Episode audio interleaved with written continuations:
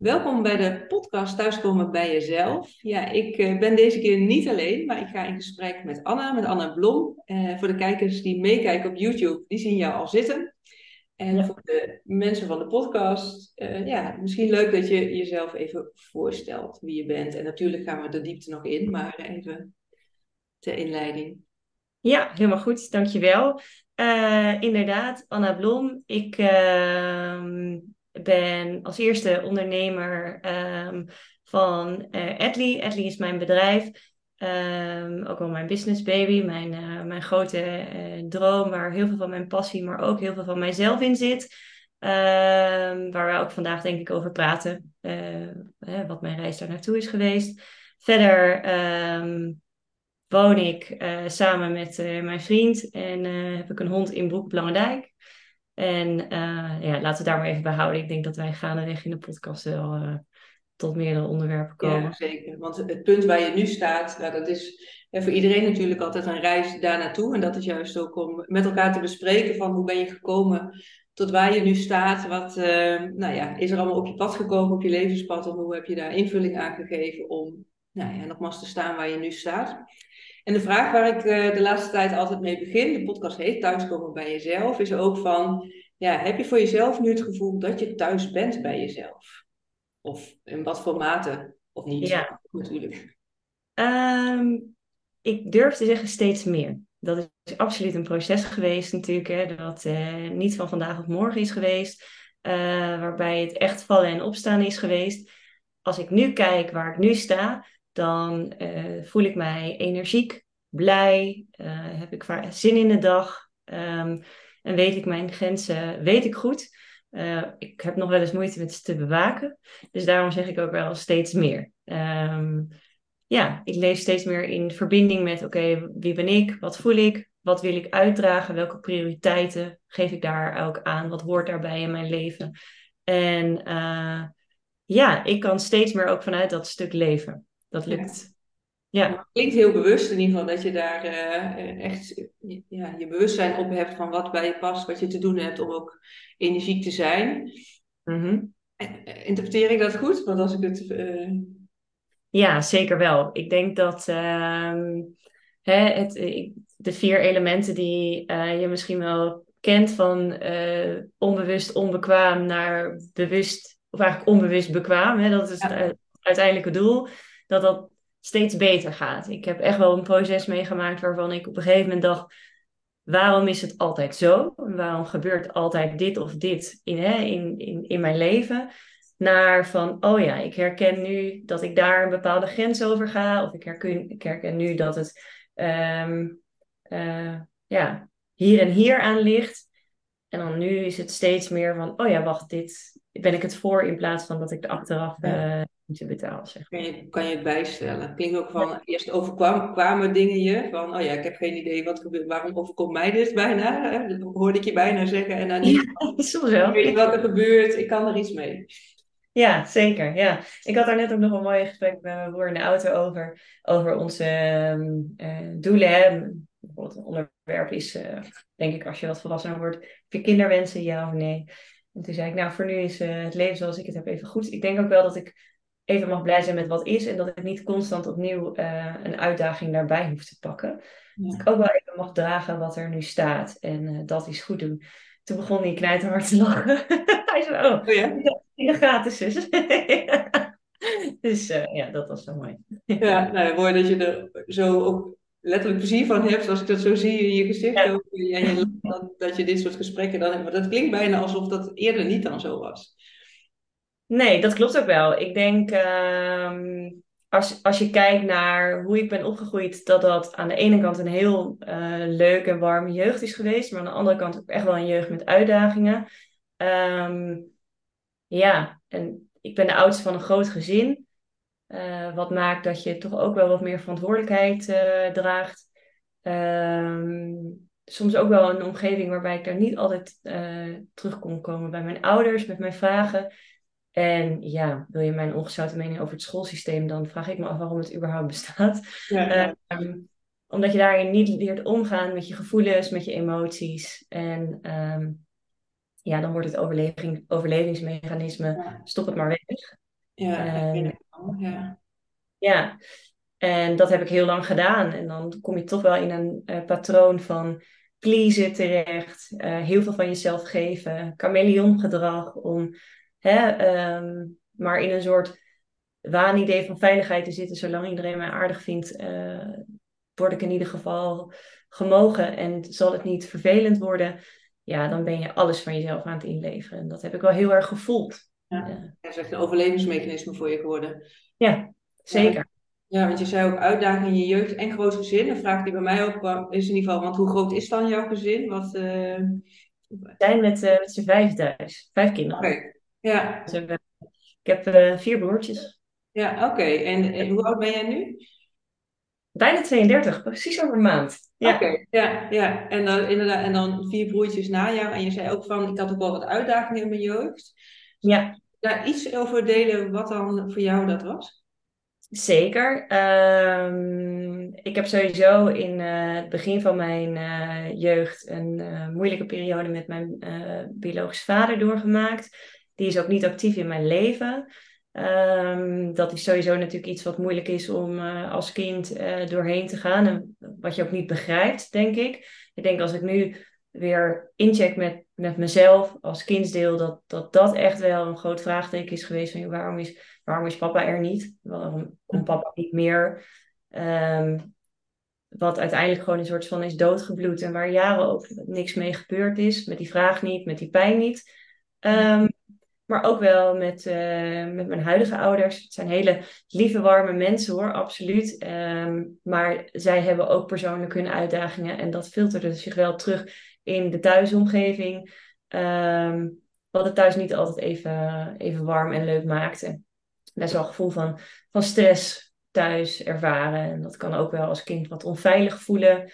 Uh, daarmee benadruk ik wel graag dat het niet onveilig thuis was hoor. Maar goed, gestreste ouders om je heen met een kort rondje uh, is wel iets wat uh, zeker denk ik als oudste, maar ik weet dat dat voor de anderen ook wel geldt, dat dat iets is wat je bij je draagt en wat je toch een vorm van, van stress en waakzaamheid geeft op een hele jonge leeftijd.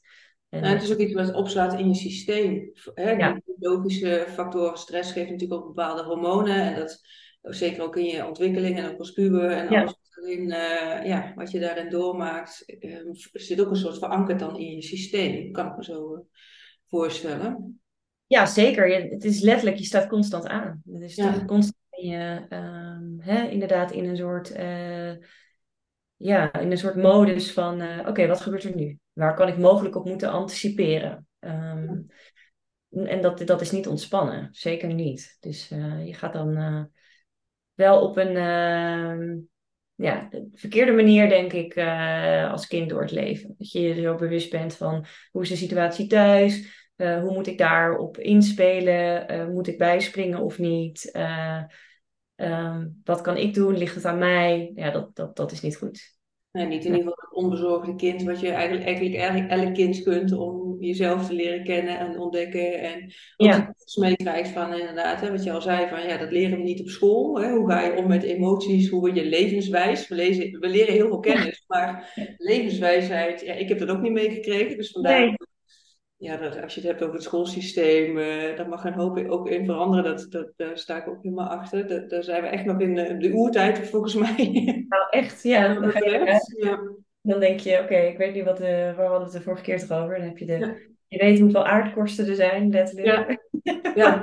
maar omgaan met situaties, dat leer je niet. ja, nee, en ondertussen ben je inderdaad, wat je al zegt, echt aan het overleven en niet ja. weten hoe daar je weg in te vinden is. Hebt een bepaald overlevingsmechanisme ontwikkeld van, ja, vooral ook hè, als alles maar goed is en als het aardig gevonden wordt, dan, nou ja, hè, ook waarschijnlijk is het dan allemaal oké. Maar ondertussen zei je al van, ja, er zat toch een hoop stress in mijn systeem. Ik, was ook veel, nou ja, gespannen zei je niet, maar dat koppel ik dan hè, in ieder geval veel stress. Hoe, hoe heeft zich dat verder in je, je, leven bepaalt. Want ja, ondertussen gaat alles door. Je moet een opleiding kiezen. Hè? Dat is ook dan weer zoiets op jonge leeftijd. Terwijl, wat dan? Hè? Er is zoveel waarvan je niet eens weet wat, dat het überhaupt bestaat. En dan moet je ook, nou ja, op vrij jonge leeftijd al een richting kiezen. En nou ja, er wordt van alles van je verwacht.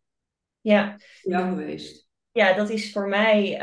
Um heel lang is dat ehm, heel goed gegaan. En dat, dat, dat omschrijf ik echt een beetje als, ehm, als een vulkaan. Hè? Ik ben echt een periode, zou je mij hebben kunnen zien, als een vulkaan wat echt wel een keer tot uitbarsting zou gaan komen. En dat is ook gebeurd. Ehm, in mijn tienerjaren heb ik heel veel daarvan weten te verbloemen. Um, denk ik ook dat weinig mensen in, in die tijd uit mijn omgeving echt weten of wisten wat er speelde allemaal. Um, zowel binnenshuis, maar ook gewoon hè, met mij intern, zeg maar, met al mijn gevoelens en gedachten. Ik wil uh, je inbreken, maar voelde het voor jou ook echt als verbloemen? Of had je zoiets van, nee, dit is zoals het leven is? En had je er eigenlijk toen nog niet zo bewustzijn zoals je daar nu op terugkijkt? Um, op een gegeven moment voelde het wel als verbloemen. Ik heb dat niet in het begin zo ervaren, want ik denk in het begin ben je ook wat onwetend hè, als kind. Um, achteraf gezien heb ik wel gemerkt dat ik af en toe vragen kreeg vanuit mijn omgeving van, van ouderen, zeg maar, die dan vroegen hoe we dingen deden en hoe het thuis was. Waarbij ik wel eens dacht, oh ja, nou, daar, daar heeft waarschijnlijk wel een bepaalde incentive achter gezeten. Maar naarmate je groter wordt en je ook bij anderen hè, een kijkje in de keuken krijgt, zeg maar, ga je steeds meer leren van, oh, bepaalde dingen kloppen niet. Uh, niet ook dat het ook bij andere gezinnen misschien anders gaat, of dat je hoort van vrienden of vriendinnen dat het anders is. Ja, of dat bepaalde gevoelens die je zelf hebt uh, niet helemaal kloppen, weet je wel. Of in ieder geval, ja, ik vind het altijd vervelend om te zeggen dat een gevoel goed of fout is, want een gevoel is gewoon maar een gevoel. Dit heb ik overigens moeten leren. Op dat moment leer je dat wel als goed of fout. En um, word je dus bewust van, van ja, situaties, emoties, gedachten waarvan je denkt: oké, dus dit is eigenlijk helemaal niet zo normaal. Um, en dan ga je twijfelen en komt er onrust. Um, ja, en toen is eigenlijk die etter is steeds groter geworden. En ik denk dat ik in, ja, in mijn late tienerjaren zit, zo begin twintigerjaren, dat ik uh, daar heel veel last van kreeg. En dat het ook wel echt fout ging. Dat ik echt ontplofte. Ik had geen controle meer over mijn, uh, over mijn emoties. Als je jonger bent, dan uh, kom je natuurlijk ook in aanmerking met alcohol. Weet je, je gaat lekker partyen, al dat soort dingen. En ik merkte um, echt aan mijzelf dat op het moment dat ik uh, nou, onder invloed was van bijvoorbeeld alcohol, dat ik niet meer kon filteren. Dat ik echt een soort als van, ja, alles moest er dan uit. Dus ik ging dan ook echt wel vertellen uh, wat ik, uh, waar ik mee zat. in eerste instantie aan vriendinnen, maar later ook wel aan mensen die, wat, die niet direct in mijn kring zaten. wat gewoon heel vervelend is geweest. Want, wat je voor jezelf hield, toen je, als je nuchter was, dat kwam eigenlijk, ging de deksel van de put als je dan alcohol had gedronken. En eigenlijk niet, niet kijken met wie je het allemaal deelde. Nee, niet altijd. Nee. En dat, uh, ja, dat resulteert in dat je daarna met een gevoel van schuld zit. Um, dat je onzekerder raakt over jezelf. En, uh, ja, dat is echt een, een neerwaartse spiraal geweest. En toen, uh, toen daarna ben ik ook ja, ik denk een aantal jaar later in een, uh, in een burn-out terechtgekomen, wat je noemde in de, in de intro. Ja. Uh, ja. ja. Want als je ook voor mensen die luisteren, van, om een beetje ook beeld te geven, niet dat je alles moet delen, eh, dat ik heel erg de focus wil leggen op hoe slecht het met je ging, maar dus er kunnen ook mensen luisteren die zelf in een hele donkere periode zitten en het gevoel hebben van hier kom ik niet meer uit. Kun je iets weergeven van hoe die periode er voor jou uitzag? Um, nu doe je op de periode dat ik aan die zat of daar tegenaan liep? Of welke... Ja, dat je zeg maar, van in een, je noemde op een gegeven moment volgens mij de donkere periode voor, net voor die burn-out, dat je echt in een diep, diepe gat zat. Ja. Um, ja, wat, ging je nog wel naar je werk of, of zat je heel veel thuis? Of, of hoe, hoe was dat voor jou? Ja, wonderbaarlijk genoeg um, heeft werk daar nooit echt onder geleden. Um, komt ook wel omdat ik mijn werk altijd heel erg leuk uh, heb gevonden. Um, wat zich meer, waar het zich meer in uitte was mijn privéomgeving. Als in mijn privéomgeving uh, had ik uh, eigenlijk verschillende modussen die ik aan kon nemen. En ik noem het ook graag modussen, omdat dat dus echt een soort is van, het zette ik aan en zo ging ik dan, in, dat stukje persoonlijkheid ging ik dan opereren. Um, nou, dat, dat, dat kon heel pleasend zijn. Dus echt in dienst stellen van anderen. Uh, overal in, uh, in meegeven. Uh, niet je eigen grenzen bewaken. En dat is een heel eenzaam gevoel. Ehm, en puur natuurlijk in, achterliggend een, schreeuw om aandacht en om liefde en om eigenlijk om hulp, maar dat durf je dan niet te vragen. Uh, dus daar me heel eenzaam in gevoeld. Tot um, ontzettende uh, stille periodes, periodes van onzekerheid. Omdat je denkt, ja, um, vinden mensen mij nog wel aardig? Zeker als je jezelf uh, met een slokje op wat laten zien. Vinden mensen mij nog aardig? Um, ik schaam me voor mezelf. Dus dat is een hele lastige periode geweest waarin ik echt wel struggelde met uh, nog steeds wel dat pleasende gedrag, waar ik op dat moment niet heel bewust van was dat ik echt aan het pleasen was. Uh, in combinatie met heel onzeker zijn en, en je heel alleen voelen in, in je proces. Daar niet over durven delen. En ik denk dat dat ook wel um, de belangrijkste is. Ik vind dit ook spannend. Weet je, dit is de, de, eerste keer ook wel dat ik het op video noem en dat het zo meteen uh, de wijde wereld ingaat. Ja. ook weer een stap. Ja. Uh, tuurlijk weet mijn omgeving dit wel hoor, daar niet van. Um, maar dat durven delen is wel echt iets wat ik uh, nu heel belangrijk acht. Dat je daar. Ja, het is gewoon oké okay dat je daar ja. dat je niet, niet goed mee bent. En dat iets niet goed voelt. En dat je, dat je je rot voelt over bepaald gedrag. Je mag iets niet leuk aan jezelf vinden en dat willen veranderen. Weet je wel? Ja. Tuurlijk. En daar ook gewoon actief voor gaan staan. En shite dan wat andere mensen van je vinden. Ja. ja, dat is natuurlijk nu, misschien in het punt waar je nu staat, dan nou ja, tussen aanhalingstekens makkelijk gezegd, maar dat waar je van je al zegt van ja, in die periode speelde er vooral veel schaamte. En ik weet niet of je überhaupt mensen in je omgeving had waar je ook het gevoel had, je kan ook, echt mijn verhaal kwijt. Of je daar uh, vertrouwen in ervaarde van, oh ja, deze mensen staan zo dichtbij me, dit kan en mag ik ook delen. Want je zei ook, ik voelde me ook heel eenzaam. Ja, nee, heb ik nooit zo ervaren. En dat, dat ligt echt niet aan de mensen om me heen. Uh, maar dat is echt het stukje uh, waarin ik ja, gewoon niet, niet heb geleerd dat, het, uh, dat, ja, dat die liefde ontvangen, dat die, um, die ruimte krijgen van, uh, van je naasten, dat dat um, een veilig iets is. Ja, en dat mensen bij je blijven, ook al deel je iets waar je misschien pijnlijk is of niet leuk is, of ook met het verlies van je vader. Als ja. kind zijn, kan me ja, voorstellen dat het uh, een groot gras op de plaat is. Van, zeker als je, wat je zei van niet wetende waarom je er dan niet is. En ja, dat je ook alles doet om te voorkomen dat mensen je weer verlaten, kan ik me zo voorstellen.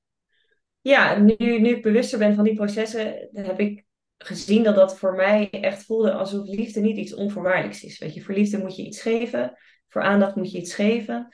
Um, wat natuurlijk absoluut niet zo is. Laat ik dat ook wel benadrukken. Want liefde hoort wel onvoorwaardelijk te zijn. Um, dus de mensen die, die echt van je houden, om wie je bent, zullen je dat ook altijd geven. Ja. Zo niet ja. be happy, they're out, zeg maar. Ja. um, maar ja, dat moet je wel leren. Als je dat niet leert, dan, dan is dat, die stap natuurlijk een, een, hele, uh, een hele grote. Het is echt een drempel die je over moet. Ja, en hoe, hoe is dat voor jou? Want je zei op een gegeven moment kwam je in een burn-out ook echt terecht. Maar ik kan me voorstellen dat je net schetst ook allemaal. Om steeds opnieuw ja, zeg maar, een soort masker op te zetten van oh nu ga ik daarin. Dus dan zet ik een soort van die identiteit hoor. Dat je heel bewust koos van oh ja, hoe ga ik daar naartoe? Ja, dat vreet natuurlijk bakken met energie. Ja. Um, nou, toen ik in uh, die burn-out terecht kwam, toen is er echt wel een balletje gaan rollen. En ik denk dat dat ook de start is geweest van, uh, van alles wat, wat, wat, nou ja, dit omhulsel nu is. ja. uh, ik ben toen, um, godzijdank door de um, chirurg van het uh, ziekenhuis in Amsterdam, ben ik um, doorverwezen naar uh, een, een, psycholoog uh, die mij kon helpen met in eerste instantie haptotherapie.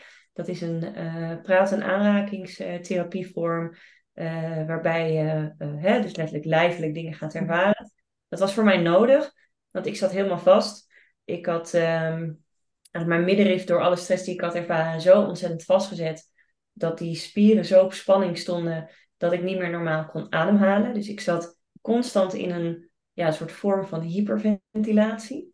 En dat, um, ja, dat maakte dat ik kortademig werd, last kreeg van benauwdheid en al dat soort dingen. Was dat, de reden dat je bij een chirurg terecht kwam? Of lichamelijke klachten? Of was, was dat iets heel anders? Uh... Ja, uh, de, ja, misschien is dat wel een verhaal. Ik ben... Uh, nadat ik een weekend weg was met, uh, met vrienden, um, zijn, ben, ik, ben ik op de ja, eerste hulp terechtgekomen. Met benauwdheidsklachten en hartkloppingen. Symptomen van een, van een hartinfarct. Maar dat had ik niet. Ja. toen ik uh... ja, ja, van oké, als jij deze symptomen hebt, dan, dan, is er iets anders aan de hand. En Ja. ja, dan gaat er een balletje rollen van oké, wat kan dat zijn? En zo kwam eigenlijk kwam al heel snel naar voren van ik denk dat jij kampt met veel diepere eh, psychische klachten en dat daarnaar gekeken moet worden. Ja, nou zie je wel dat je lijf heel lang kan meebewegen in de overlevingsmechanismen die je opbouwt. Maar dat het op een gegeven moment ook echt wel gewoon een grens bereikt is en dat je lijf zegt tot stop en tot hier en niet verder. Ja. Signalen dan, want waarschijnlijk heb je wel eerder wat signalen eh, gehad. Ja, zeker. Alleen vaak zijn we geneigd om met ons hoofd er maar overheen te stappen. Van, hè, schouders eronder door, niet zeuren of er niet aan toe willen, niet herkennen misschien. Ja, het lijf zegt van, ja jongens, en nu is het echt klaar. Nu eh Ja. vind ik echt een goed signaal. Ja, je krijgt constant wel eh duwtjes van eh, dit is niet goed, ga je hier nu mee stoppen. Ik denk dat iedereen dat buikgevoel wel kent en iedereen wel dat gevoel heeft van het, het voelt niet helemaal lekker. Of ga ik dit nu wel echt doen en dan doe je het toch en dan uiteindelijk krijg je het altijd terug. Ja. Sommige mensen zijn er wat bewuster van dan anderen, maar iedereen kent dat gevoel van nou, oké, ik doe het toch wel. Ja, ja, toch maar door. Ja, Ja, eigenlijk jezelf Ja. steeds aan de kant zetten. Of hè, dat gevoel Mm. negeren en maar doorgaan. Ook wat je eerder al zei, omdat je niet hebt geleerd hoe er überhaupt mee om te gaan, daar je weg in te Ja. vinden. Ja. Was het iets waar je vriendenclub op dat moment wel wat meer van, van, jezelf, van jou wist, van wat er speelde? Of was dat nog steeds dat je dat meer voor jezelf hield? Want je was net een weekendje weg, zei je, met vrienden. Ja, Eh, nee, dat was echt nog wel in die fase dat ik alleen deelde wanneer ik eh, een, paar wijntjes op had. Ja, Ja. ja. Dus hè, ook, al, ook al heb je dan mensen om je heen, dat het niet altijd wil. Ook al, hè, en doe je mee met, nou ja, weekendje weg of gaat je werk goed? Ja, dat wil niet zeggen dat het goed met je gaat. Hè. Ook voor de mensen thuis. eh, ja, dat het ook ogenschijnlijk lijkt of het iemand het goed voor elkaar heeft en het gaat goed. Maar dat het dat, ja, ook dan kan zijn dat je tegen bepaalde dingen aanloopt. Ja, op een forse manier, waardoor je lijf gewoon op een gegeven moment zegt van, eh, ja, nu trek ik aan de bel. En dat het Ja. ook in jouw geval zo eh, de situatie was. Ja, nou zeker. Weet je, dat is. ehm, eh, kijk maar naar, naar hè, ook bekende mensen die met psychische problemen kampen. Het betekent echt niet dat het, dat het ehm, omdat het één goed gaat, dat het ander niet kan of mag bestaan. Ik deed het heel goed op mijn werk. Ik vond mijn werk leuk. Ehm, ik, ik, ja, ik was blij met mijn werk. Ik haalde daar ook energie uit. Maar het ging met mij als hoe werk eigenlijk toen? Was het al in lijn met wat je nu doet of deed je echt iets heel anders? Ehm, nou, ik zat toen in de, in de eh, arbeidsmarktcommunicatie mediawereld. Ehm, dus dat is iets heel anders dan, eh, dan mijn eigen bedrijf, zeker. Ja. Waarvan je zegt van, ik, toen, ik, toen je moest kiezen van, oh ja, wat wil je dan gaan doen? Wel het idee van, nou, dit is wel iets wat ik leuk vind inderdaad. En eh, waar je wel energie uithaalde op dat moment. Nou, absoluut. En het is nog steeds iets wat ik op part-time basis ernaast doe hoor. Dus dat is echt, Ja. eh, het is al steeds onderdeel van mijn leven. En ja, dat vind ik heel leuk om te doen. Ja, met mensen aan tafel zitten, meedenken over hun strategische vragen. Ehm, dus ja, ik, again, weet je, ik was wel heel happy met mijn werk. Eh, Ja. Maar dan had ik echt wel wat op te ruimen met mezelf. met mijn Want dat werd inderdaad ook gezegd van, hey, hè, ga in gesprek met een psycholoog, want ik denk dat er meer speelt eh, dan, Ja. dan de fysieke lichamelijke klachten. Hoe kwam dat bij jou binnen? Dat was Ja, heel herkenbaar. Oké, ja. Want je loopt natuurlijk rond met die gevoelens van onzekerheid en eh, verdriet wat je niet durft te filteren en eenzaamheid. En Ja. toen iemand tegen mij zei, ja, ik denk dat er meer speelt, toen dacht ik, ja, dat denk ik ook wel.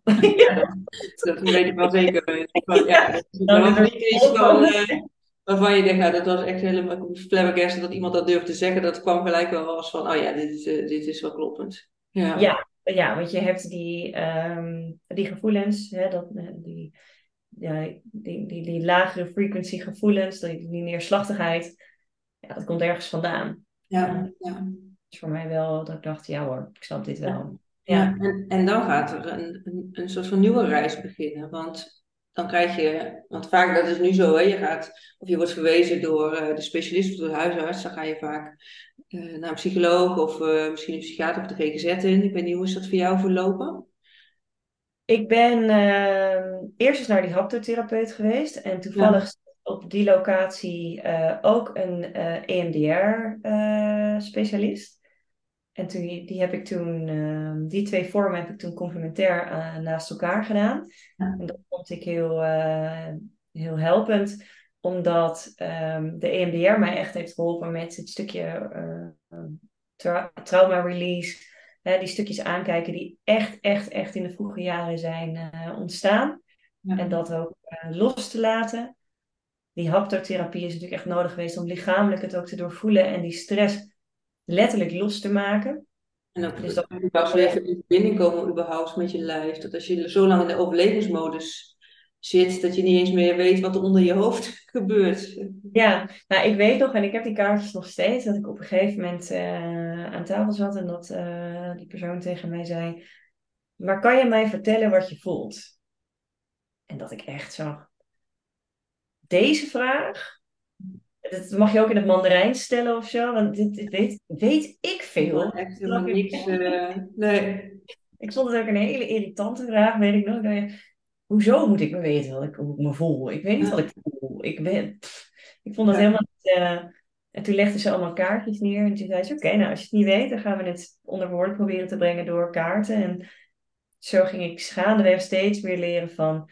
Oké, ik heb deze emotie, met deze lichamelijke ervaring, met Hè, en dat komt hier vandaan. Mag ik dat stukje liefde geven? En joh, het is een proces geweest. Maar wel heel mooi. Ja, echt, maar echt, echt weer helemaal moeten leren, helemaal weer, moeten, maar echt voor het eerst misschien wel moeten leren van oh ja, welke emoties zijn er dan, welk gevoel hoort erbij, ja. geef ik daar woorden aan, want dat is natuurlijk ook, hè, je kan iets voelen, maar ja, laat, noem het dan maar eens, maar dat is echt een heel ontwikkel, ontwikkelproces geweest voor je. Ja, ja, ja, daar ben ik echt uh, jaren mee bezig geweest. En eigenlijk is dat ook het moment geweest dat, dat um, het stukje ook met, met betrekking tot, uh, tot Edley, maar hè, ook vooral met mezelf, daar is het allemaal begonnen. Want ik merkte toen echt van, oh wow, als je gewoon leert omgaan met, met alles wat er is, als je de, de shit die je meekrijgt van je, van je ouders, van je grootouders, van familie, van vrienden, uh, allemaal gewoon oplost voor jezelf. Mm en het weer teruggeeft aan de persoon van of voor wie het is, dan kan je zo een, een, een veel vrijer leven leiden. En zoveel gelukkiger uh, en rustiger en energieker in het leven staan. En op dat moment zijn er ook, ja, toen ik dat leerde, toen is er een soort, soort vuurtje aangegaan van ik wil je meer over weten. Weet je? Als dit een vorm van leven kan zijn, dan wil ik dit. ja. Water letterlijk los kan laten van alles wat je opgeslagen in je systeem, maar dat je, wat je heel mooi zegt, het ook weer teruglegt naar bij degene wie het hoort. En dat je dus echt lichter wordt omdat je dat letterlijk uit je systeem haalt. Dat, en dan daarvoor terugkrijgt gewoon een stukje hè, uh, gecentreerd zijn in jezelf. En je dus zeker voelen in jezelf. En met zeker voelen bedoel ik niet dat ik een soort als van super zeker vrouwtje was dat alleen maar zo door die stad liep. En helemaal niet. Maar ik wist wel gewoon wat ik voelde, of voel nu nog steeds, waarom. En ehm, ik kon daar wat mee. En als iemand. Ja, dat was voor mij heel helder. En als iemand anders dan nu binnenkomt en iets tegen mij zegt, dan kan ik denken van, mm, nee, je geen gelijk. Dit is, niet, dit is echt niet hoe ik dit bedoel. Of dit is niet hoe ik het wil. Van jou niet van mij. Ja, of juist wel van mij. Van, oh ja, oké, okay, fair enough. Weet je wel, dit is inderdaad ik. En dat is een heel veel fijner, fijnere manier van leven. En zelf geldt voor mij wel, ik heb daar wel tools bij nodig gehad. Weet je, op een gegeven moment heb ik EMDR gedaan, ik heb familieopstellingen gedaan, ik heb verschillende vormen van therapie gedaan. Ik ben wel bij de GGZ weggebleven omdat ik dacht van, ik heb daar wel een intakegesprek gedaan.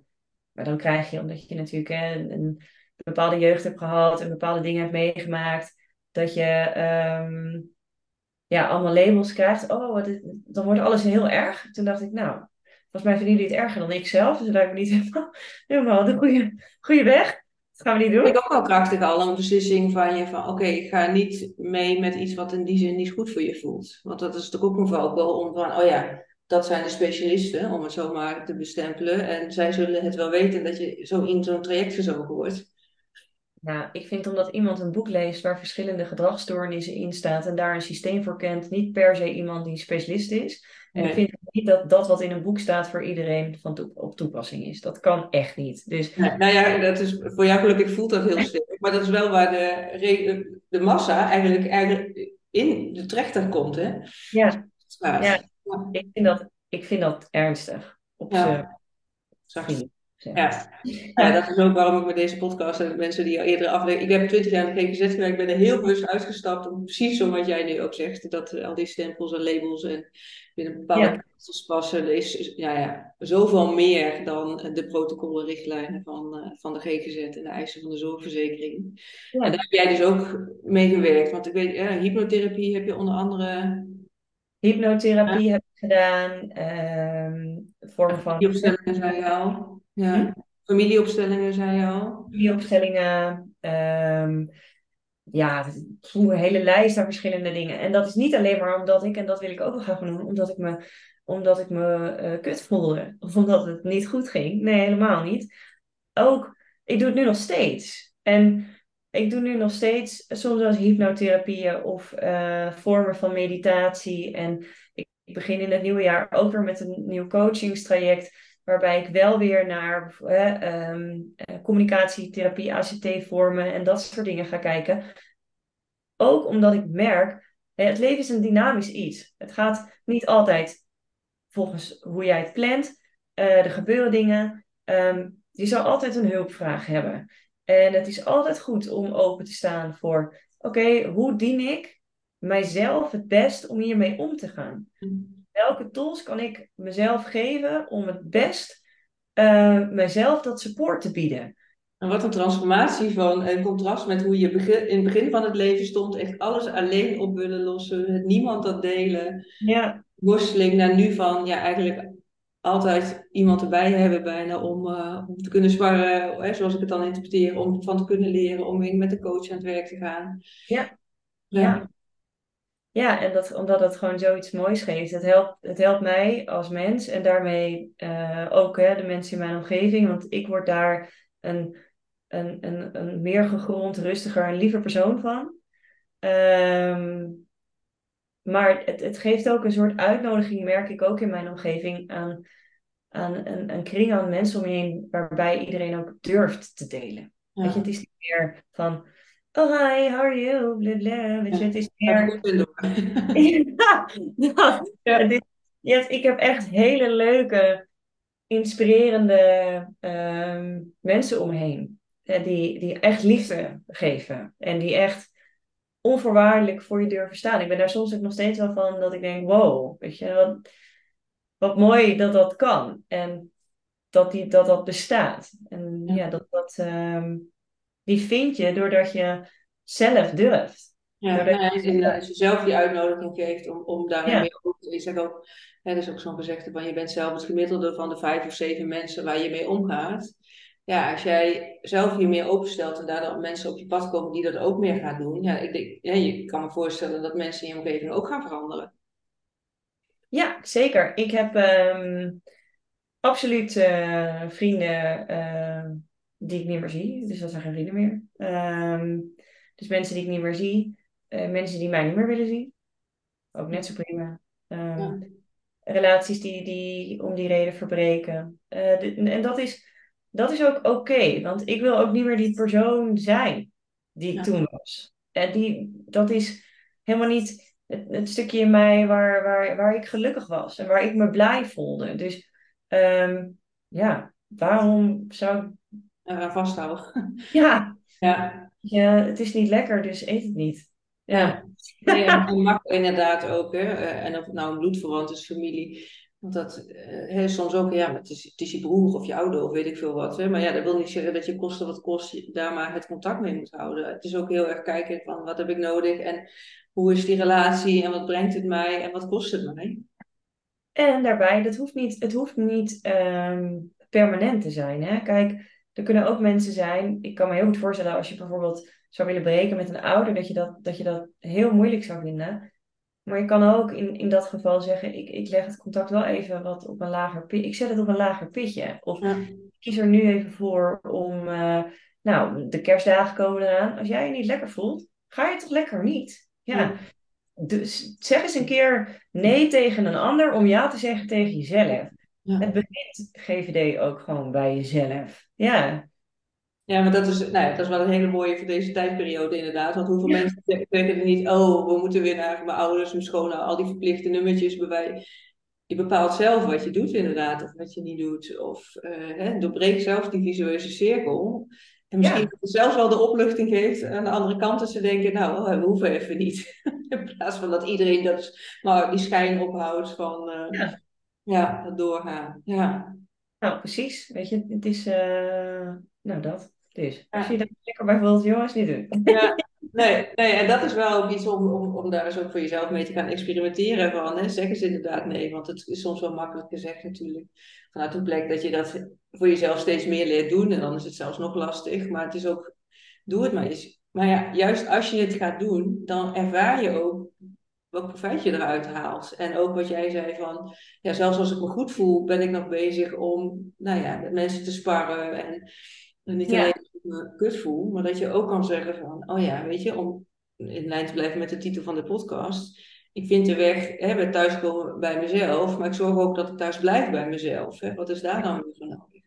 En dat is gewoon actief. En uh, again, weet je, ik had het net over begin twintiger jaren waarin ik een eerste reis doormaakte, maar we delen toch alles hier nu.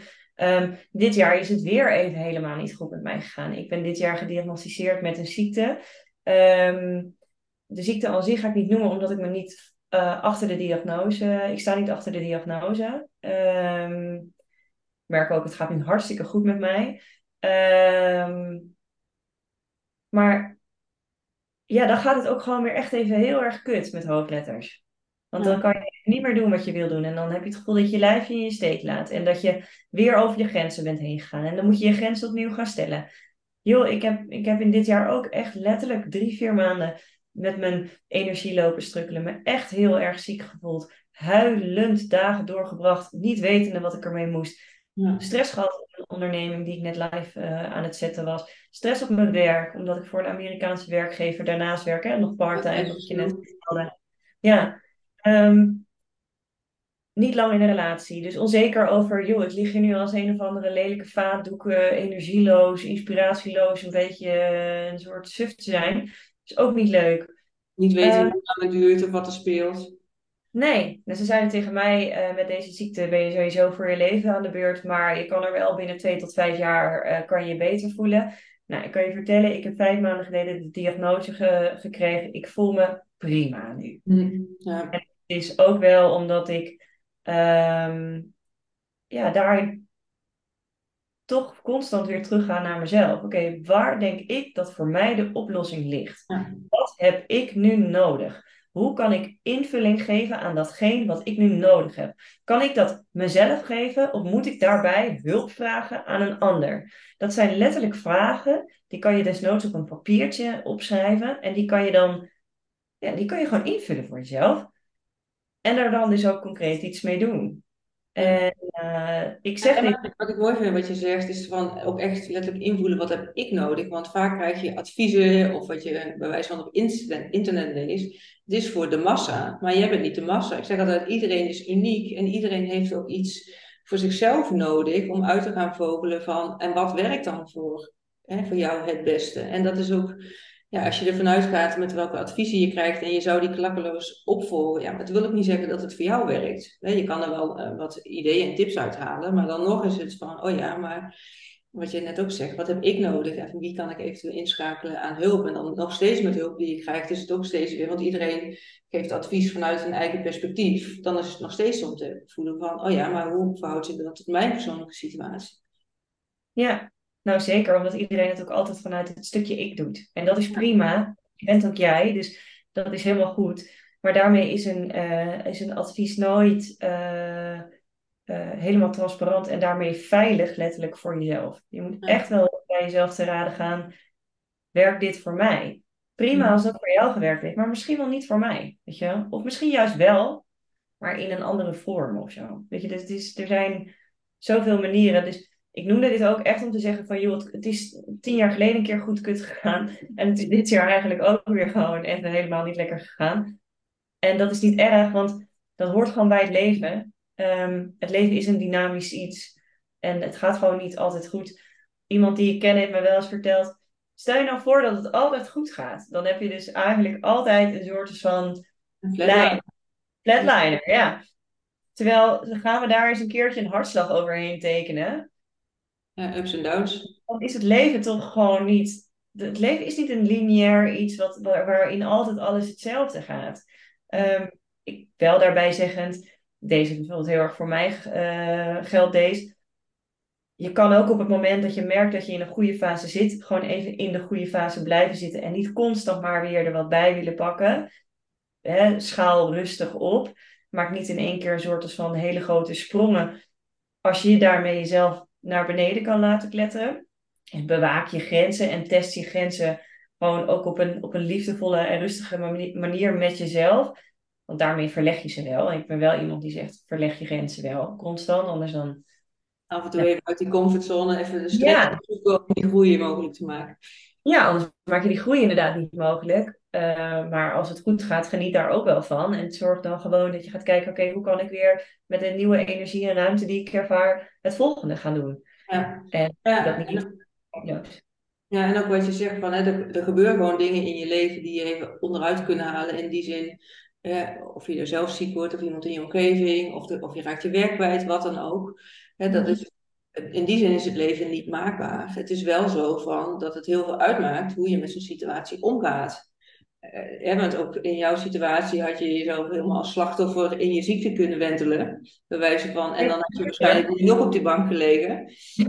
Inderdaad, van wat heb ik nodig en wat voelt voor mij goed en hoe ga ik hier mijn weg in vinden. Ja, en het is ook niet erg als het even wel zo is. Want ook ik heb echt wel even me even wel het slachtoffer gevoeld van, eh, van, van ziek zijn. En ik heb me ook wel daar gewoon heel even verdrietig over gevoeld. En dat, dat is fijn, toch? Want dat hoort er ook gewoon... Ik bedoel, er gebeurt iets wat je een plek hebt te geven. Ja, het is heel verdrietig als je hoort dat je ziek bent. Dat er echt iets is. Dat is gewoon niet lekker. En dat, dat, mag ook, dat mag ook verdrietig zijn. En daar mag je om huilen. En daar mag je onzeker en bang over zijn. En dat is helemaal, helemaal normaal. Als je maar niet alle dagen onzeker en bang blijft. Weet je, dat is iets anders.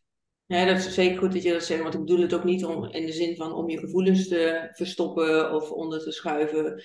Ja, dat is ook zeker belangrijk om, om die er te laten zijn. Het is wel van, wanneer komt dat kantelpunt van, laat je er helemaal hè, langer in meezuigen tot het punt van, oh ja, maar wacht eens even, en hoe ga ik hier nu mijn weg in vinden? Ja. ja. En dan is het inderdaad ook, weet ik ook wel een mooie van, ja, ik kan me niet vinden in die diagnose. Want soms is het ook, hè, de self-fulfilling prophecy, geloof je heel sterk in iets, dan wordt het je waarheid. Maar kun jij een andere waarheid aannemen? Want het is ook maar een mening van iemand. Terwijl er zoveel waarheden zijn, kun je er met een ander perspectief naar kijken, met een andere bril. En dat is vaak ja. je ook naar kijkt. Ja, en je gaat daar ook naar leven, dan kan het ook weer een andere waarheid worden. Zeker. En ik geloof ook dat er voor, voor de mens meerdere waarheden bestaan. Ja. Dat het wel een keuze is welk, uh, ja, welk stukje jij van welke tijdlijn voor jezelf pakt. Ja. Want het had ook, ik denk dat de waarheid voor mij ook kan zijn dat ik voor mijn leven heel ziek had, had, had kunnen zijn als ik daarin was gaan blijven zitten. Um, maar ja, again, ik denk echt dat er meerdere, je hebt altijd meerdere keuzes en daarmee heb je dus ook meerdere mogelijkheden in je leven elke keer weer. Ja. En aan jou om, om te kiezen welke afslag pak ik binnen dat spectrum. zelfs als je een bepaalde afslag hebt genomen, kun je altijd weer bijsturen. Ik bedoel, niks, geen enkele keuze is voor altijd. Nee, dan, dan kijk je weer. En zo, kan je, zo zijn er oneindig veel mogelijkheden die naar vormen van leven uh, ja, gaan. En daarmee dus jouw leven voor jezelf creëren. En dat doe je. Ja, nou ja, en het mooie vind ik daarin ook, want dat is, ik heb meerdere mensen gesproken voor deze podcast, dat je ook door bepaalde stappen te zetten, bepaalde keuzes te maken, niet altijd weet van, oh ja, hè, het, het, grotere plaatje, achteraf gezien is het hè, van Steve Jobs Connecting the Dots, maar dat je ook soms iets kiest waarvan je oh, dit voelt me goed, omdat het weer leidt tot een mooie nieuwe ervaring, of mensen die op je pad komen, kansen die op je pad komen. Uh, nou ja, hè, misschien kun je ook ons even meenemen in hetgeen wat je nu doet, want dat is ook een proces geweest van door wat je hebt ervaren dat je op dit punt in je leven bent komen te staan, ook met je eigen bedrijf. Ja, ja zeker. Um, nou, wat ik je net al vertelde, ik doe van alles. En um, op een gegeven moment leerde ik van, oh, je kan via beweging kan je uh, dingen doen. Um, ik vind sowieso bewegen heel, heel leuk. Ik, ik sport graag. Ik, vind veel ook leuk om te doen. ik hou van uh, dingen ontdekken, vooral in mezelf. Dus ik, ik doe graag verschillende vormen van meditatie, verschillende vormen van yoga. Hè, cursussen, ja, ik ben een makkelijke prooi dat betreft. En je hebt ook wel een beetje die afwisseling nodig. Ken je dat van jezelf? Als je lang ja, ja. het wordt ook een beetje saai, dan moet af en toe een nieuwe prikkel uh, misschien. Ja, ja, ik ben heel erg zo. Ja, dat, is, ja, dat ik denk van, oh, het gaat goed, laten we weer uh, dit doen. Heel, ik heb dat. En uh, dat dient mij ook wel hoor, zeker. Um, dus ik heb dat stukje. Ik ben heel erg geïnteresseerd in, in voeding. En nou, zo is het eigenlijk ontstaan dat ik gaandeweg daar een abonnement had om te sporten, daar uh, kickbokste, daar naar een yogaschool ging, daar een cursus deed voor, voor uh, bewegen op ademhaling, daar breathwork uh, clinics deed. En zo was ik, nou ja, in die tijd... abonnementen. abonnementen, overal van die mm, strippenkaarten op credits, weet je wel. Per maand kon je dan zoveel credits daar kopen, dan kon je er drie keer heen, daar dan zes. En zo was ik elke keer bezig. En dat komt toen, want ik was vrijgezel met een leuke baan in Amsterdam. Weet je, ik had tijd en geld, dus ja, ga het lekker doen. Aanbod, want ik kan me voorstellen als je in, uh, ah, in Amsterdam woont, dat het anders is dan dat je in Amsterdam zit, waar van alles mogelijk is. Zeker, want daar heb je van alles. En um, nou, ik, ik heb daar heel veel baat bij, nog steeds, tot op de dag van vandaag. Alleen wat ik wel merkte, is dat ik op een gegeven moment dacht, alle Jezus, wat een geld en tijd ben ik kwijt aan het aan het eigenlijk het faciliteren van uh, de optimale versie van mezelf zijn.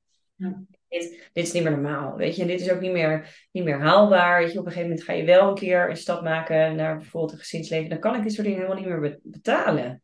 Dat houdt gewoon een keer op.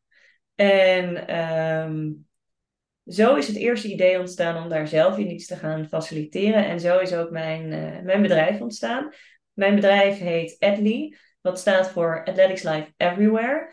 En Adly is eigenlijk je dagelijks coach in je broekzak. Um, het is een platform waar je verschillende programma's, modules, uh, nou, van alles op kan volgen. Uh, die je helpen bij een, uh, wat wij zeggen, happy, healthy en holistic lifestyle. Um, onze missie is, is ook to make a happy, healthy and holistic life, lifestyle affordable and accessible for everyone. Um, wat we doen is met dat platform uh, hebben wij programma's op sport, programma's in meditatie, programma's voor uh, het ontwikkelen van uh, zelfvertrouwen, hypnosetherapieën, voeding, mobiliteit, yoga, kickbox, rentechnieken. Nou, alles kan je zo ongeveer daar wel vinden. En het idee daarvan is, um, het is een platform. Je kan daar um, losse modules volgen of hele programma's en hele bundelcombinaties doen. Um, je bent voor 7,95 ben je al binnen. En je kan het daarna natuurlijk zo gek maken als je wil. Upgraden een aantal modules wat je erbij wil. Ja, precies. Of je kan het los aankopen. We bieden ook verschillende mogelijkheden aan. We hebben uh, losse aankoopvormen tot aan echt abonnementen omdat we het echt voor iedereen eh, ja, een soort van instapbaar willen maken, mogelijk willen maken om aan die content te komen. Het programma biedt ook, of uh, het platform biedt ook uh, ja, inspiratiecontent. Dus niet alles is, is betaald. En daarmee probeer ik echt deze, deze missie te vervullen. En daarnaast organiseren wij retreats. dat zijn dagretreats, waarbij we met mensen samenkomen om workshops en clinics te geven. We doen dat bij bedrijven in de vorm van bedrijfsuitjes. En uh, ja, we hebben nog veel meer grote plannen, maar goed. Uh, ja. Dat maar zie je wel hoe mooi het is dat je zegt van door de eigen, je eigen ontwikkelreis, wat je hebt doorgemaakt, tot het punt komen van ja, maar wacht eens even, ben ik ook maar bezig met al die losse dingen die je dan hebt, dat het daar een idee ontstaat van ja, maar dit kan en wil ik anders voor mezelf, maar daarmee ook voor anderen. En het om het ook toegankelijk te maken naar dat je daarin dus nu je bedrijf hebt. En ik hoor je ook steeds zeggen we, dus hè, ook met het team. Uh, Zeker. Ja. ja, en daarin is het team. Um, wat ik heb gedaan, ik heb echt een groep uh, mensen om me heen gecreëerd. Echt niet iedereen werkt voor Edley hoor. Heel veel hebben gewoon een eigen bedrijf, maar die doen dan een deeltje van het bedrijf. Dus ik heb iemand die heel goed is in content, die helpt mij daarbij. Dat is een hele leuke vrouw. Ik heb iemand die super goed in online business management. En zo, ja, geloof ik ook dat je elkaar kan helpen. Weet je, door, door elkaar die opdrachten te gunnen en uh, op die manier te bouwen aan, uh, ja, ook weer een mooie community aan ondernemers. En ook van elkaars expertise en kwaliteiten gebruik te maken. Want als jij in het leven staat dat je denkt dat je alles zelf moet doen of moet kunnen, of moet, dan gaat er heel veel energie weg naar dingen waar je helemaal niet mee bezig wil zijn. Plus je hebt geen energie meer over voor jouw expertise. Nou, dat daar dus ook hè, weer het stukje, ik die dacht dat ik altijd alles in mijn eentje moest doen, uh, verhaal. dat was in het begintijd van mijn ondernemerschap ook zo. En uh, ik heb echt uh, geleerd dat dat niet zo hoeft. Dat je gewoon eh, op een betaalbare manier, ook in de beginfase, al prima samenwerkingen aan kan gaan met mensen. En dat je daar veel meer energie van krijgt. En dat, dat iedereen het leuk vindt om je te helpen als je met een uh, bak inspiratie en drive binnenkomt. Dus um, ook daar, ja, um, je onderneming is ook een soort van spiegelweer van jezelf en je gevoel uh, over hoe je dingen aanpakt en doet dat merkte ik hier ook wel weer in. Dat oh ja, de classic stappen. hier komen ze allemaal weer. En dat is weer zo'n mooi, mooi voorbeeld van every level, has a devil. Waar, hè, waar daar in je privéomgeving steeds meer hulp durfde te vragen en kon vragen. En vroeg ook al, ja, dan kom je in een nieuwe fase en dan komt die boomerang weer terug. Van, dacht, oh ja, ik dacht dat ik dit toch getackled had. Maar dan zie je, dan komt het net op een andere vorm en dan is het toch weer van, oh ja, wacht even, ook hier mag ik hulp vragen, ook hier mag ik mensen inschakelen. Ja, zeker. Dus ja. Uh, ja, daarom het lezen dynamisch en het houdt niet op. Uh, en dat is ook mooi. En daarom is ook het platform gewoon echt wel om mensen ja, gewoon een, een, stukje mee te geven wat heel makkelijk is. Hè? Je mobiel heb je altijd in je zak. ja, ja het staat ook uh, Athlete Athletics Live every, everywhere, your daily coach to win it live echt het idee van, joh, je hoeft helemaal niet een professioneel atleet te zijn of bakker met geld en, en tijd te hebben om maar uh, de beste versie van jezelf te kunnen zijn. Um, met ons platform kan je op een haalbare en betaalbare manier al heel veel kennis en heel veel begeleiding krijgen om die stukjes op te pakken waar jij interesse in hebt, en die voor jou dienen. Um, willen en dan moet het misschien behapbaar te maken. Hè? Want als je met meerdere dingen zit, ja, als je het idee hebt, ik moet overal mee bezig, dan kan het ook zo overweldigend voelen dat je niet eens de eerste stap kan zetten. Maar op het moment dat je het wat een kleinere. Nou, nou laat ik eerst eens hiermee beginnen. Ik noem maar even wat, omdat je meer energie wil, eh, bezig met je slapen en met je voeding. Nou, heb je meer energie, dan kan je bewegen weer meer. Hè? En zo kun je dat steeds ja, bij jullie dan aanpakken. In plaats van dat je het idee hebt van ik moet gelijk alles. En dat maakt juist dat ik helemaal niet vooruit kom.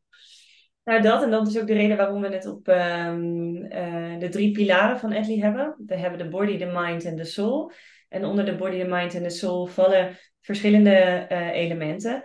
En je bent dus helemaal vrij om te kiezen of je uh, alle drie of twee of een deel van, uh, van, de, van de pilaren wil, wil aanpakken. je kan daar ook begeleiding in krijgen. Je kan, je kan een call plannen met onder andere mij. En dan kan je, um, kunnen we samen kijken naar, oké, okay, wat, wat is je vraagstuk precies? Weet je wel? Sommigen vinden het helemaal niet... zwaar met iemand. Hè? Want als je zelf het antwoord niet weet, dat je even kan kijken, oké, okay, wat doe ik goed aan? Ja, precies. En heel, voor, voor ieder wat wil ze. Sommigen vinden het helemaal niet fijn om te denken aan, aan transcendent reizen of, of hypnotherapie. Die echt, nou, hou alsjeblieft op met dit, met dit, dit, dit zweef. Letterlijke zweef. Ja. In de kosmos. Ja, letterlijk naar een ander niveau, maar goed, prima. Ja. Als, je dat, als je denkt van dat, dat dient mij helemaal niet, maar je hebt wel iets aan uh, praktische handvaten voor het ontwikkelen van meer zelfvertrouwen. Um, en misschien wel wat meditaties die wat meer hè, het connecten met je gevoel uh, leren. Uh, zonder dat we daar zo'n heel zwaar soul element aan hangen.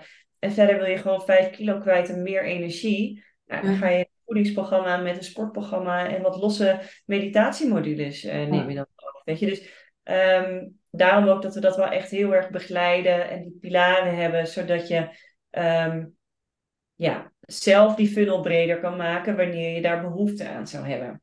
Ja, plus dat je weet van, er is zoveel keuze. Als je niet weet waar te beginnen, dat het inderdaad wel fijn is om even te sparren. Want anders kun je door de bomen het bos misschien niet meer zien. En dan, ja.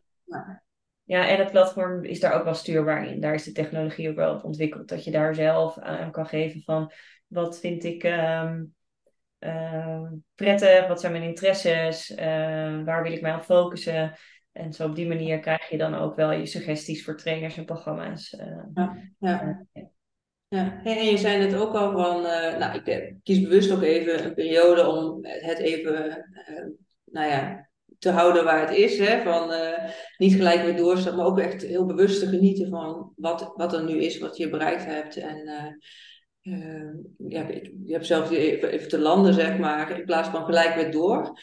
Ja. Is er ook iets wat je dan in, in de afgelopen fase hebt geleerd om, om daar op een Deed je dit, is het nieuw voor je, zeg maar, om het op deze manier te doen? Nou, ik ben op dit moment heel bewust bekwaam.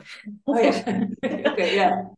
ja. Ik ben hiervoor bewust onbekwaam, zeg maar. Dat ik, oh ja, ik doe het wel altijd, altijd net even eh, op een manier dat het niet helemaal werkt voor mij.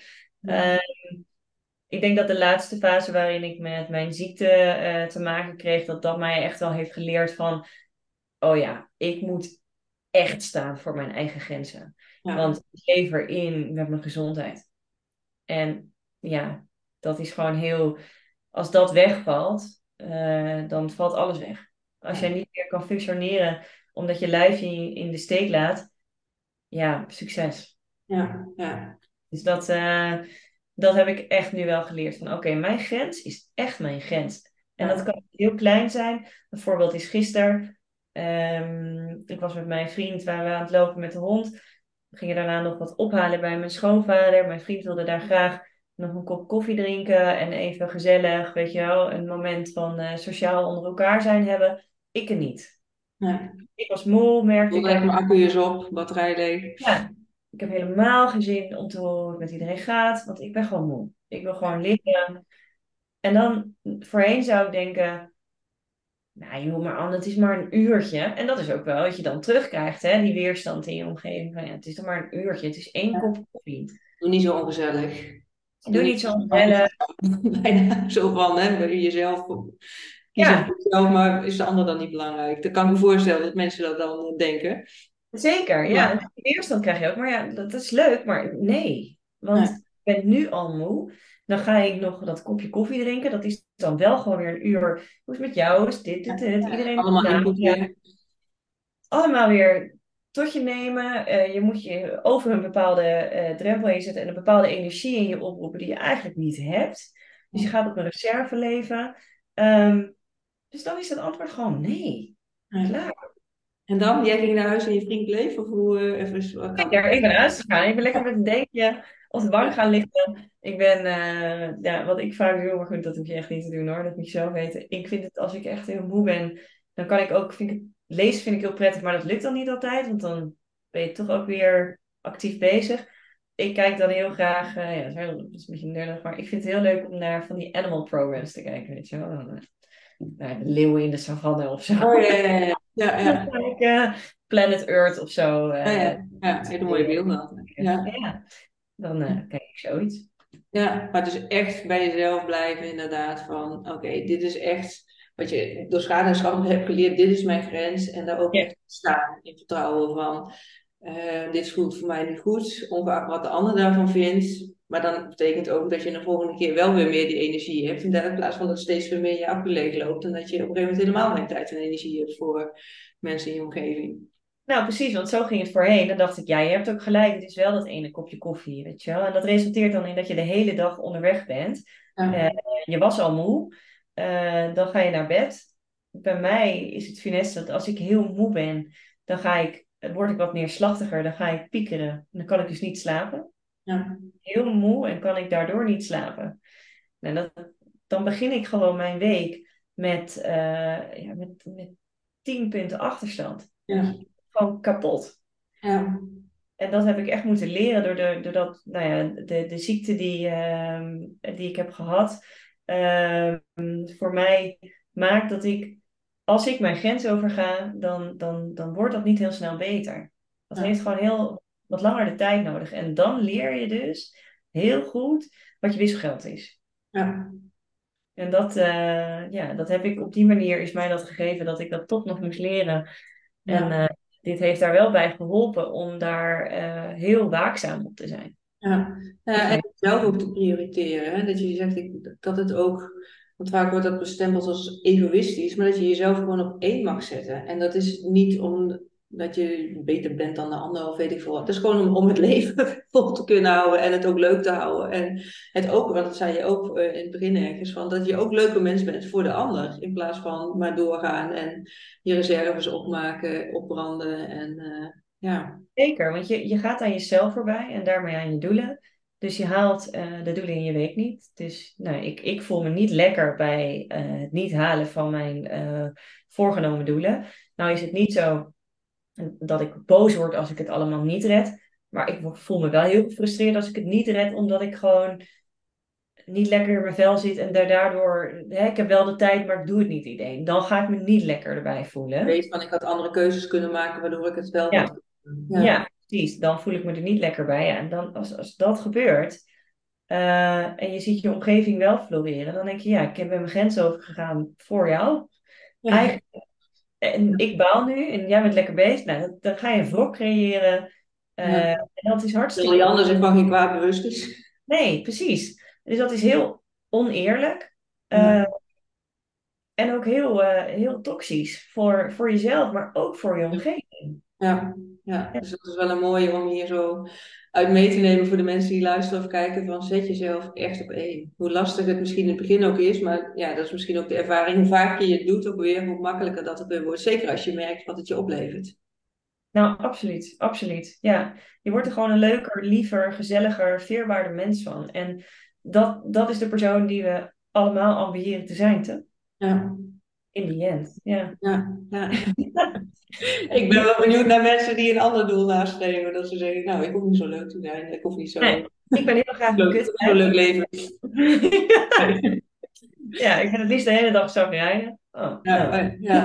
nou ja, nou hebben wel mensen daar af en toe een levenskunst in gevonden hoor. Ik heb, nou ja, wat ik zei, jaren in de GGZ gewerkt en... Uh, dat ik soms ook wel dacht van jeetje, wat maak je het jezelf soms moeilijk. Als je maar iets een beetje kon bijshiften, dan zou je leven zoveel leuker zijn. Maar ja, soms, voor sommige mensen is de pijn niet altijd groot genoeg om te willen veranderen, te kunnen veranderen. Of überhaupt, eh, nou ja, hè, dat uh, niet iedereen staat er ook voor open om, om die groei door te maken. Want het is ook niet iets wat vanzelf gaat. Je hebt er wel iets in te doen. Dat heb je ook. Hè, je hebt jezelf aan te kijken. Je hebt stappen te zetten die spannend zijn, waarvan je niet wel eens weet waartoe leidt. Ja. Ja, het is gewoon ownership nemen en met ownership komt verantwoordelijkheid. Ja. Dus je bent verantwoordelijk over je eigen leven, over je eigen welzijn en, ja. uh, en, en, en dat is eerst. En ja. dat is gewoon zo. Aan jou hoe je daarmee omgaat. Ja, ja en dat het ook is van uh, niet meer van, oh ja, het overkomt mij of dat ligt aan die ander. Nee, maar wat jou ook overkomt en hoe erg dat ook soms is, wat, hoe ga jij daarmee om? Ja, de ander gaat niet veranderen of wil niet veranderen of de situatie kan niet veranderen. Het enige die veranderbaar is, en dan, dan is de vraag hoe veranderingsbereid ben je, ja, dat ben jij zelf. Zeker. Ja, ja. ja. Um, ik zit nog met één vraag waarvan ik denk, oh ja, dat, omdat je net zei van, uh, we hebben ook nog heel veel plannen voor de toekomst. Dat ik denk, oh ja, ik ben wel benieuwd. Wil je er wat over delen met Edley? Of is dat uh, nog geheim? nou, is het geheim? Uh, nee, het is zeker niet geheim. Maar zoals ik je net vertelde, ik ben natuurlijk net pas begonnen met uh, ja. ondernemen. Dat is dit jaar begonnen. En um, ja, dat heeft dit jaar natuurlijk ook een vertraging opgelopen door het hele stuk wat gespeeld heeft. Um, maar, en dat is misschien wel iets moois, um, ik stel zeker doelen voor mezelf. Ik heb heel helder hoe ik mijn leven wil leiden en hoe ik daar uh, en welke in, met welke intentie ik de dingen doe. En um, ik heb grote dromen. Zeker. Uh, grote dromen voor mezelf als persoon. Uh, hele praktische doelen die ik daarin wil bereiken. Waar ik mezelf zie. Ehm, als vrouw, als toekomstige moeder, als, uh, hè, als, als, als, als privépersoon zeg maar, in het leven, maar ook met mijn bedrijf. Ik zie Edly wel als een uh, platform wat nu voor Nederland dient, maar wat zeker internationaal mag gaan. Um, de evenementen die we nu bij bedrijven organiseren, gaan als in eerste instantie straks ook naar de consument. Maar ik zou het heel leuk vinden als we op internationale schaal uh, grotere activaties kunnen gaan doen. Om hier ook hè, bewustwording te creëren. Hm? En nog meer mensen te bereiken. Nog meer mensen te bereiken. En mensen ook te inspireren en te teasen om hier wel mee aan de slag te gaan. Ja, ja en dat is dus mooi dat die doelen dan ook wel met je meegroeien. Want uh, tot misschien vijf jaar geleden wist je niet eens dat je dit bedrijf zou hebben. Nee. Tenminste, ik weet niet wanneer dat uh, eerste kiemetje is ontstaan. Maar ja, zo zie je maar. Uh, ook al weet je niet waar iets toe leidt. Maar doordat je, nou ja, je zei van door alles, die ervaringen die ik heb opgedaan. Zelf met coaching en met sporten en met al die verschillende elementen. Dat wil ik samenvoegen door je eigen ervaringen en jezelf ook daarin weer serieus nemen van hé, hey, ik heb een idee. Mensen kunnen zich ook laten afschrikken van ja, maar kan ik dat wel, durf ik dat wel, wil ik dat wel. Maar door er invulling aan te geven van ja, ga gewoon eens ontdekken. Misschien is dat nog iets een mooie afronding, hoe jij tot het punt gekomen bent om dan ook echt die stap te zetten naar ik ga er een bedrijf van maken. Even los van alleen het idee wat je had. Want ik kan me voorstellen dat dat ook is van ja, maar hoe dan? En kan ik dat wel? Of nou ja.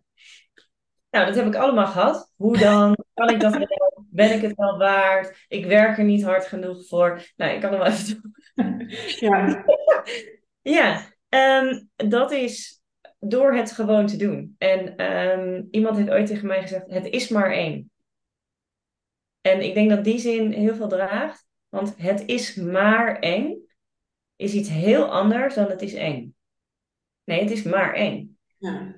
Het is het is spannend, tuurlijk. Maar daar ook, ik heb, uh, ik, heb, ja, ik heb me kwetsbaar opgesteld. Ik heb ook hulp gevraagd aan mensen. Ik heb ook letterlijk gewoon hulp in de hand genomen. Iemand die mij ook persoonlijk heeft begeleid in dit proces.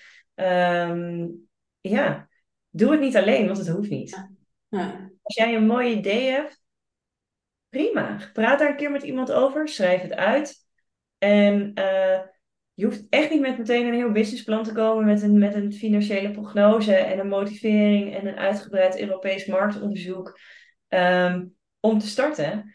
Dat dacht ik. En toen heb ik dat allemaal gedaan en daar heb ik volgens nooit meer naar gekeken.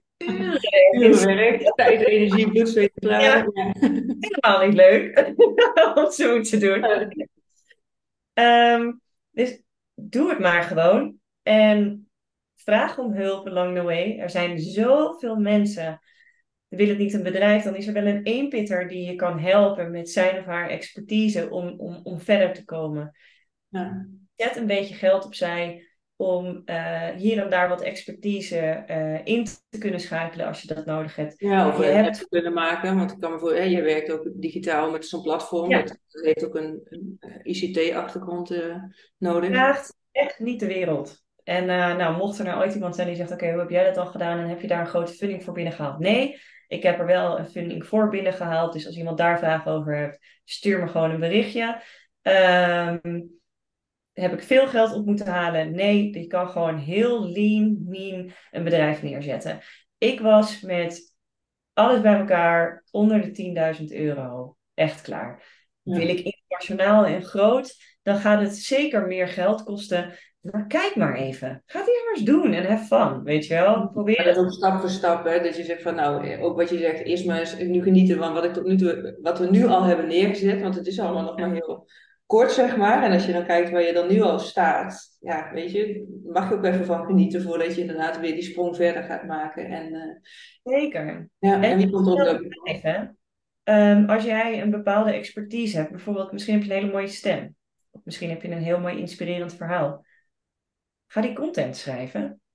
En via Linktree kan je een e-book aanbieden. Voor 75 euro heb je je bedrijf geregistreerd bij het KVK. Jongens, het is niet moeilijke wiskunde of Nee, dat vind ik ook wel mooi, want dat leren we soms ook wel met al die business, weet ik veel, uh, opleidingen. Dat het allemaal lineair moet zijn. Je moet eerst zoveel ervaring hebben en dan zet je die stap. En terwijl als je kijkt naar als jij je hart volgt dan kom, en, je, en je zet ook die bril op van uh, perspectief in de wereld kijken van, oh ja, dit is wat ik graag wil, dan ga je ook de dingen zien die in lijn zijn met jouw doel. En als je daar dan ook nog actie aan verbindt, door met die persoon daadwerkelijk in gesprek te gaan, of hè, inderdaad dat idee wat bij jou ontstond, om daar ook echt invulling aan te gaan geven, moet je kijken hoe jouw leven een wending heeft genomen. Maar ook voor mensen die nu kijken of luisteren, ook daarin neem je jezelf serieus. En gaat gewoon eens onderzoeken, gaat experimenteren. En nou ja, als je denkt van, nou, dit is het niet. Maar dan komen er misschien wel andere mensen daardoor op je pad. Waardoor je weer ja, ontzettend mooie stappen kan zetten. En daar leer je van. Ik heb via eh, eh, iemand, een online business manager, leren kennen die, voor, die mij kon helpen om uh, voor een betaalbare manier een platform te ontwikkelen ik weer via een andere persoon iemand leren kennen die mij kon helpen met templates voor social media. Want nou ja, ik, ik heb niet heel veel met social media. Sorry jongens. Ik vind, ja, vind het gewoon niet heel leuk. Ja, dat is gewoon wat het is. En die templates en alles helemaal in mijn brandingstijl en zo maken.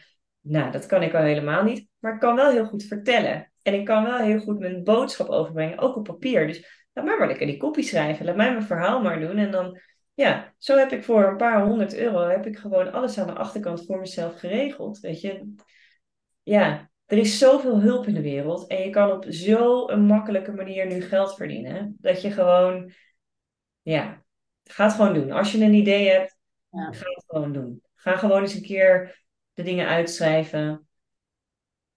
Ja, zet die stap om het eens eh, te gaan onderzoeken, om het echt in de wereld te zetten, in plaats van dat het maar bij dromen blijft en dat je later denkt, oh had ik maar.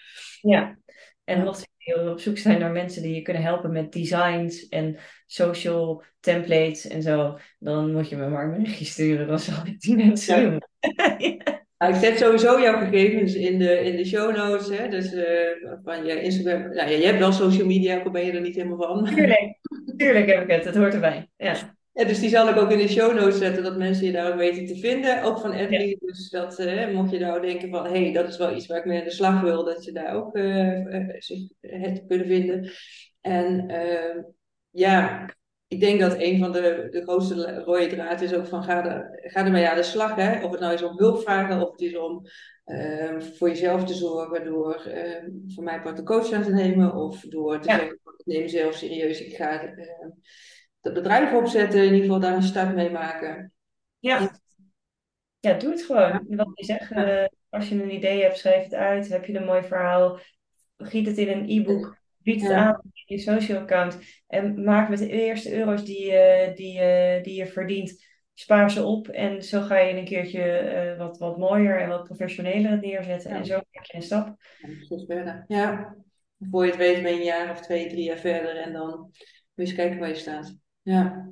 Ja, dat kan zomaar heel snel gaan. Als het echt de bedoeling is dat je dit gaat doen, dan kan het zomaar heel snel gaan. Ja, maar dan heb je inderdaad wel die stappen te zetten en de invulling aan te geven. Want doorgaan met wat je deed, zeg maar, ja, dan uh, blijf je in die cirkel hangen. Dus uh, ja. ja. Ja, en again, het is maar net ook welke lading je daaraan geeft. Ja. Wat je zei, die persoon die tegen mij toen zei, ja Anne, het is maar één. Ja. Ja. Wel de, de lading dekken. Ja. hey, dankjewel voor je verhaal. Graag gedaan. Heb jij nog iets waarvan je denkt, nou dat zijn we vergeten te noemen of iets wat nog op je hart ligt waarvan je zegt, dat uh, wil ik nog delen? Nee, nee. Ik vond het een leuk gesprek. Dus jou ook, dankjewel. Uh, mooie vragen. Ik ben heel benieuwd. Ik vind het wel wat spannend, want iedereen gaat dit natuurlijk zien. En niet al, alles wat we nu besproken hebben is iets wat ik uh, per se aan de grote klok hang. Maar hopelijk wel dienend voor, voor degene die het gaat zien of horen of allebei. En um, ja, dankjewel. Ja, en jij, ook, ook dank daarin in je openheid. Want ik denk wel door als meer mensen hun verhaal gaan delen, dat het ook niet allemaal. Ja, iedereen heeft zijn eigen rugzak mee te dragen. Hè? Wat jij ook zei, ik zit in een vriendengroep, mijn werk ging goed. Ja, ook waarschijnlijk had ik het ook wel misschien wel voor elkaar. En toch heb je dat gevoel van eenzaamheid en die mentale krachten. En weet je, door erover te delen maakt het ook bij anderen misschien makkelijker om, om wel die stap te zetten daarin. En uh, bij iemand aan te kloppen en uh, te zeggen van, hé, hey, uh, ik moet even mijn verhaal kwijt. Ja, precies. Wat het dan ook is. Ja. Ja. Dus dank daarvoor. Nou, we gaan elkaar vast nog vaker spreken. Denk ik ook. Hartstikke leuk in ieder geval. Ehm, ja, voor nu wil ik even de luisteraars in ieder geval bedanken en de kijkers op YouTube voor, eh, ja, voor het volgen van deze aflevering. Mocht je nou mensen in je omgeving hebben waarvan je denkt, nou, die zou deze aflevering echt even moeten horen of zien, zet hem dan vooral ook door. We hebben allebei ons eigen netwerk, maar met elkaar kunnen we dat alleen maar verspreiden. Dus ook als je denkt van, hé, hey, ehm, ik heb wat uit deze podcast gehaald. Deel het vooral ook even op social media. Tag ons allebei erin. Want hoe meer mensen hiermee in aanraking komen, hoe meer mensen hier ook weer een eigen ja, uh, inspiratie en, en motivatie uh, uit kunnen halen om stappen te gaan zetten. Dus dat is dan weer iets wat jij als luisteraar, als kijker kan doen. Uh, ja, en dan rest mij niets anders te zeggen dan zoals ik altijd afsluit van heb een hele mooie dag en ik wens je een heel mooi leven toe. En tot de volgende aflevering.